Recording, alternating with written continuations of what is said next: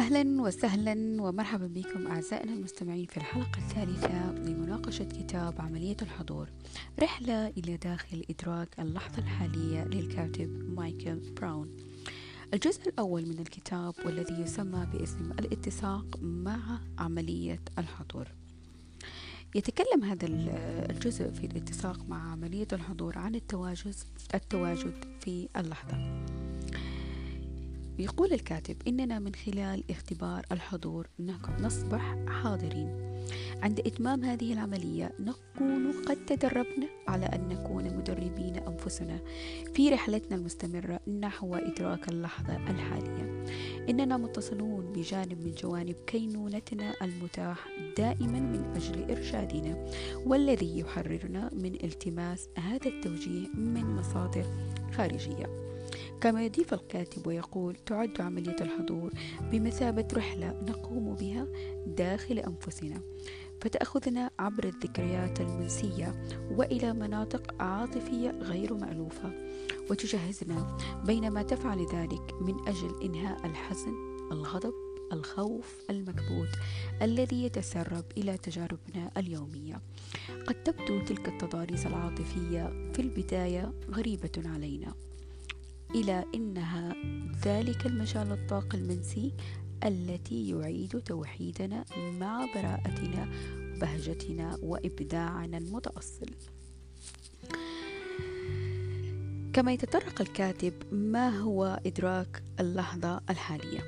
يقول الكاتب يعد إدراك اللحظة الحالية حالة من الكينونة على نقيض فعل شيء إن أبسط تعريف لإدراك اللحظة الحالية هو أن تكون مدركا تماما للحظة التي نعيشها أو أن تكون حاضرا في اللحظة. إن التأكيد ليس على اللحظة بل على الكينونة التي نستحضرها كي نتحمل تجربتنا الحياتية. عندما نعير انتباهنا إلى اللحظة على نحو كامل. إن أحد مؤشرات الموثوقة على, دواخ على دخولنا إلى حالة إدراك اللحظة الحالية هو ما إذا كانت تجربتنا بغض النظر عن كونها مريحة أو مزعجة في لحظة ما هي مليئة بالامتنان. إن الامتنان هو المؤشر الوحيد الذي يمكن أن نعتمد عليه بوصفه مؤشرا على مدى كوننا حاضرين في تجربتنا. عندما ينقصنا الامتنان لمجرد كوننا أحياء فذلك يعود إلى أننا قد شردنا بعيدا عن الحاضر نحو حالة ذهنية وهمية تسمى الزمن. طيب إيش معنى الكلام اللي بيقوله آه الكاتب هنا أوكي أول حاجة بيقول إنه من خلال اختبارنا لعملية الحضور فكل واحد بيكون هو مدرب لذاته أو مدرب لنفسه. ليش؟ لأنه عملية الحضور أو آه تطبيق عملية الحضور هي رحلة إلى الداخل. خلينا بنركز على الداخل على دواخلنا حيث إنه من ذواتنا طيب هو بيتطرق الكاتب بيقول لك إنه كيف إحنا بنكون في عملية الحضور؟ هو عن طريق إدراك اللحظة الحالية. التواجد هنا والآن. وهذا المهم. وفي مؤشرات تطرق إليها الكاتب اللي هي بتدل على أن إحنا موجودين في اللحظة الحالية وموجودين هنا والآن. وذكر منها مؤشرين. المؤشر الأول اللي هو الامتنان. وليس فقط أن أنا أكون يعني ممتن لابد أن أكون ممتن مع شعور. تمام وأستشعر الشيء هذا. تاني حاجة أو تاني مؤشر لتواجدي في اللحظة الحالية هو انخفاض التحليلات الذهنية.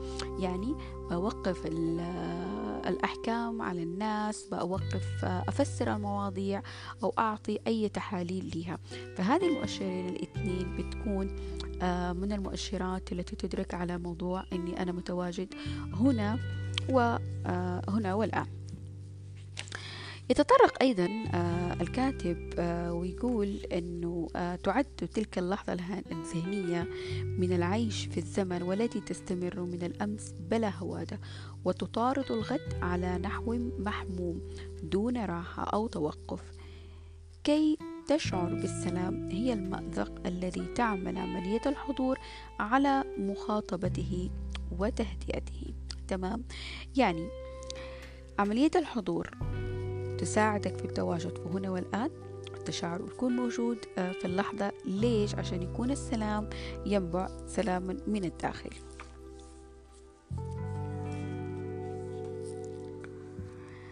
يضيف الكاتب ويقول بينما ندخل إلى إدراك اللحظة الحالية فإن أحد المؤشرات الدالة على حدوث ذلك هو انخفاض في التحليلات الذهنية. على الرغم من ذلك ولأننا أصبحنا عبيدا للجانب المفكر من الذهن بدلا من جعله يقوم على خدمتنا. فلذلك آه هذا المؤشر الثاني في آه إدراكنا أو تواجدنا في عملية آه الحضور آه أو تواجدنا في اللحظة إنه هنا والآن. الهدف العام من عملية الحضور هو تنشيط إدراكنا في آه اللحظة الحالية. طيب آه فإحنا مطالبين في هذه الحالة بإن أول شيء إن إحنا نختار الحضور. طيب أنا لما أختار إن أنا أكون في هنا والآن وذلك عن طريق آه تواجدي تمام في آه اللحظة الحالية ويضيف الكاتب ترشدنا عملية الحضور عبر أماكن داخل أنفسنا قد لا نكون نألفها بعد. نتيجة لذلك فإننا سوف نعيش حتما تجارب نشعر خلالها كما لو كنا لا نعلم إلى أين نتجه وما الذي يحدث.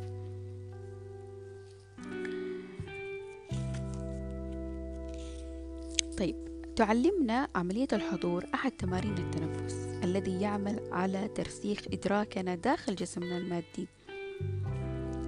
وكيف إنه هو بيحصل يعني من خلال التنفس يعني من أقوى التمارين أو من أقوى التقنيات اللي بتساعدنا إضافة إلى الامتنان ووقف الأحكام إلى التواجد هنا إلى هنا والآن.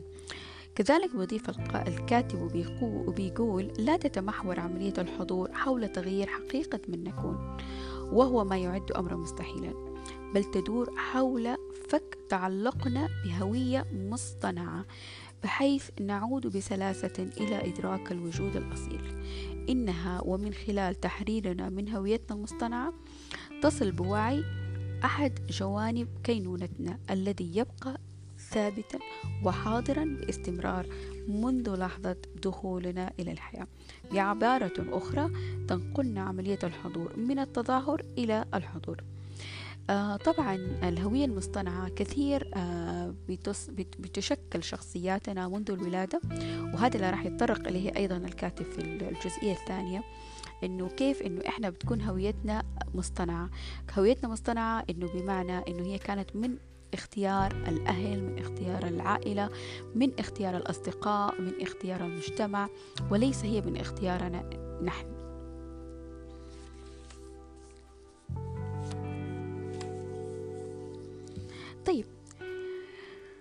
صممت عملية الحضور على أن تكون سلسلة من عشر دورات متدرجة. تمام. تمتد كل منها على مدار سبعة أيام. يعني عبارة عن عشر أسابيع. كل أسبوع آه تكون آه المرحلة سبعة أيام. آه تعمل تلك الدورات العشر ذات السبعة أيام على توفير الوقت والمساحة اللازمة لتجميع التجارب المطلوبة من تفاعلات حياتنا اليومية العادية. تساعدنا هذه التفاعلات اليومية العادية في تكامل الرؤى التي نستقبلها خلال هذا المنهج. تصبح تلك الرؤى عندما يتم تأكيدها من خلال التجارب اليومية. معرفة شخصية مكتسبة. وعندما تصبح هذه المعرفة الشخصية المكتسبة هي الاهتزاز الذي نبني عليه إدراكنا الحسي. أفكارنا كلماتنا حاجاتنا ندخل أصداء الحكمة في ضوء ذلك.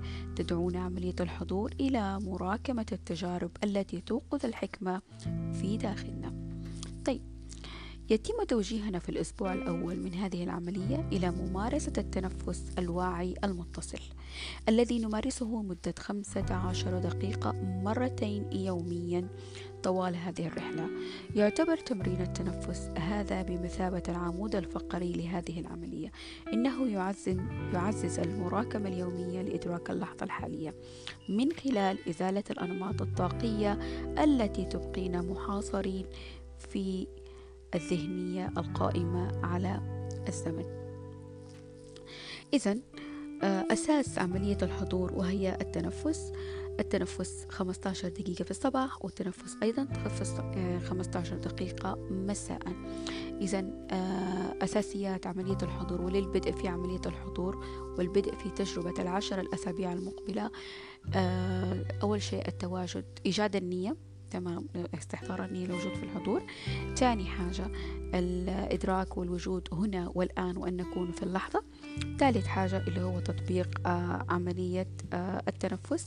15 دقيقة صباحا و15 دقيقة مساء. آه طبعا آه بيضيف الكاتب أن الهدف الأساسي من التنفس المتصل الواعي هو تنشيط ومراكمة الحضور وإدراك اللحظة الحالية من خلال إنهاء العوائق العاطفية اللاواعية التي تسكن تجربتنا الحالية آه أيضا بيضيف الكاتب في هذا الجزئية وبيتكلم عن وعي الأسئلة وعي الأسئلة اللي هي الأسئلة الصح اللي هو طرح السؤال من غير ما تفكر في الإجابة. يعني بتسأل السؤال الصحيح آه ولا تسأل عن آه الإجابات. هل الإجابات آه راح تصل آه تصل إلينا. الجزء الأخير آه، بيتكلم في هذا الفصل بيتكلم الكاتب عن مسار الإدراك ودورة السبع سنوات.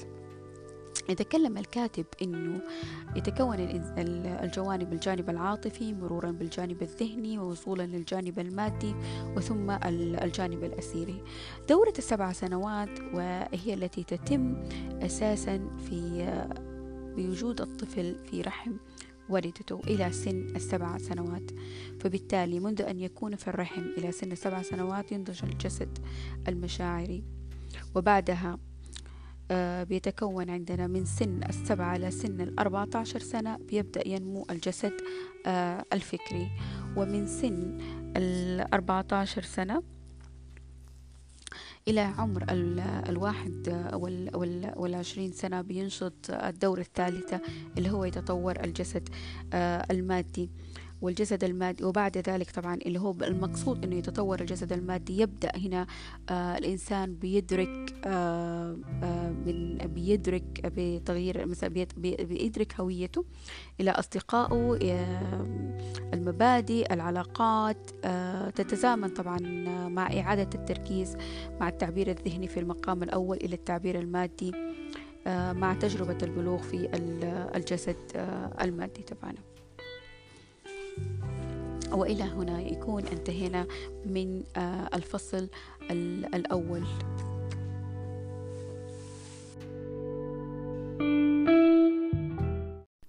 أهلا وسهلا أعزائنا المستمعين في جميع أنحاء العالم. اليوم بإذن الله تعالى راح أتكلم لكم على سلم هاوكنز سلم هاوكنز واللي هو أساسا آه، في الأصل سمي بذلك نسبة إلى الكاتب ديفيد هاوكنز. آه الكاتب ديفيد هاوكنز قال في كتابه إنه آه الإنسان بيمر بحالات شعورية ويمكن قياسها من خلال آه سلم أو معيار. وضعه سلم وسماه وأطلق عليه سلم هاوكنز. هذا المعيار أو هذا السلم بيبدأ من أقل درجة اللي هي درجة آه، عشرين. آه، والتي تبدأ بالعار. ثم بعدها بعشر درجات تكون آه، مرحلة ثلاثين أو درجة ثلاثين وهي مرحلة التأنيب. وبعد ذلك طبعا مرحلة التأنيب بتكون بدرجة ثلاثين. على سلم هاوكنز. وبعد ذلك آه، الشفقة وتكون هي على مرحلة آه، درجة خمسين. وبعد الشفقة تأتي مرحلة الحزن على درجة خمسة وتسعين ثم بعد ذلك الخوف وهي مية. حلقتنا اليوم راح نتكلم على آه، سلم هاوكنز بشكل عام. وكما عرفنا في البداية إنه هو نسبة إلى ديفيد هاوكنز. ثم بعد ذلك إن راح نقسم السلم هذا على أربعة آه، مراحل. المرحلة الأولى اللي هي بتكون مكونة يعني من خمسة آه، درجات زي ما قلنا ابتداء من العار اللي هي درجة عشرين انطلاقا إلى الخوف اللي هي درجة مئة. وفي الحلقة المقبلة بإذن الله تعالى حنتكلم عن المجموعة الثانية أو المرحلة الثانية وبعد كده نتكلم عن المرحلة الثالثة ثم المرحلة الرابعة. ودمتم بود. أهلا وسهلا أعزائنا المستمعين في كل العالم. آه يا رب إن شاء الله تكون آه أوقاتكم بخير وبركة. طيب بداية راح نتكلم اليوم زي ما آه سبق تكلمنا عفوا آه في الحلقة السابقة عن فكرة سلم هاوكنز واللي هو مقسم إلى ثلاثة محطات أو إلى آه ثلاثة محطات آه فرعية. تمام؟ اليوم راح نتكلم عن العار وكيف إن إحنا ممكن نعمل التنظيف على مرحلة العار. آه كل المطلوب آه منك عزيزي المستمع وعزيزتي المستمعة انه بيكون عندك نوت ورقة وقلم وبتحضر وبتكتب العار. بداية آه تكتب تعريف عن العار. ماذا يعني كلمة العار بالنسبة لك؟ يعني في بعض الناس اللي بيقول لك العار بالنسبة لهم يعني الخجل أو الفشلة أو باللهجة المناسبة اللي بتعني لك تمام؟ وتبدأ توضح وتذكر آه هذه المصطلحات أو الأشياء اللي موجودة لأنه كلمة زي ما تعرفوا كل واحد منا في عنده قواميس آه من الكلمة في قاموس من الكلمات المختلفة. تمام؟ راح أعطيكم على سبيل المثال. العار آه عند بعض الناس بيعني الفشلة أو الخجل أو موقف محرج. أنا تعرضت لي وخلاني أشعر بالإحراج وأدى إلى العار. إني أنا أشعر بالخزي وبالعار. أتفشل من هذا الشيء أتفشل من شكلي أتفشل من درجاتي أتفشل من هذه الأشياء. فهنا معناتها إني أنا كتبت العار. المطلوب منك بعد ما تحط المصطلحات اللي تعني لك أنت في موضوع العار تبدأ تكتب الأسئلة أو تجاوب على الأسئلة التالية. متى كان أول مرة شعرت بموقف العار؟ ممكن يكون موقف حصل في الطفولة في أثناء الطفولة المبكرة في المدرسة. كلنا مرينا بموقف لما كنا في الفصل وما عرفنا نأدي الواجب أو ما قلنا الإجابة الصحيحة أو لو كنت تتعلم لغة أخرى. أجنبية أو لغة مختلفة عن لغتك الأم فبطريقة اللفظ فهذه الأشياء كلها بتشعرنا بالعار فهذه بداية أول بذرة أو أول مرحلة شعرنا فيها بالعار. ممكن قبل كده ممكن لما يكونوا أطفال هم بيلعبوا في مع بعض فبالتالي يشعروا هنا بالعار. وتبدأ تسرد. هي أصلا حتلاحظ أنه أساسا الذكريات أو المواقف راح تنساب إليك. فتبدأ تكتب مواقف العار اللي حصلت قد ما أنت تفتكرها. آه ممكن في فترة المراهقة أيضا كل المواقف اللي أشعرتك بالخزي وبالعار وبالفشلة بالخجل إيش من كان مصطلح أو مسماها؟ أذكرها وأذكر من الأشخاص. يعني أبدأ تعمل عملية تفريغ أنك أنت تكتب كل هذه المواقف على الورقة. آه هذه المرحلة الأولى. المرحلة الثانية تبدأ تسرد من هم الأشخاص أو من هو أول شخص أشعرك بالعار قد تكون معلمة أو معلم قد يكون أحد أفراد العائلة مثلا أو الأم بعض الأحيان اللي هي ما تقصد. تبي تقول لا شفت أنت فشلتنا أنت ما جبت درجات كويسة. أو مثلا تقول لبنتها والله أنت ما تعرفي تطبخي وهكذا. فتبدأ تسرد تسرد هذه جميع المواقف زوج وزوجة. أصدقاء مجتمع أي حاجة تكتبها وتسرد كل جميع هذه المواقف اللي أشعرتك بالعار. هذه المرحلة الثانية. المرحلة الثالثة تبدأ تتذكر وتستشعر وين كان شعور العار. يعني أنت لما شعرت والله قالوا لك أنت ما تعرف تحل مسألة رياضية صحيحة وشعرت بالخجل وأنه أخوك أشطر منك أو مثلا صديقك متفوق أكثر منك أو أنت بنت ما تعرف تطبخي أختك تعرف تطبخ أحسن منك وما إلى ذلك فتبدأي تستشعري مع الموقف فين مكانها أو موقعها في الجسد في بعض الناس اللي تشعرهم في البطن في ناحية الشاكرا الضفيره في بعض الناس اللي تكون تشعرهم يشعروا بها في منطقة القلب وبعض منهم اللي هي في الدماغ فهي أماكن مختلفة متعددة. حاول تستشعر فين موجودة. المرحلة الرابعة مطلوب منك إنك أنت بتكتب إيش كانت ردة فعلك. وقت ما حصل هذا الموقف. طبعا هي حتكون ردات فعل مختلفة يعني على كل مرحلة. يعني مثلا لو كان طفل أكيد كان ممكن يبكي ممكن كان يعصب ممكن يجري. ففي بعض الناس اللي هم يعني اتضح إنه ممكن ياكلوا.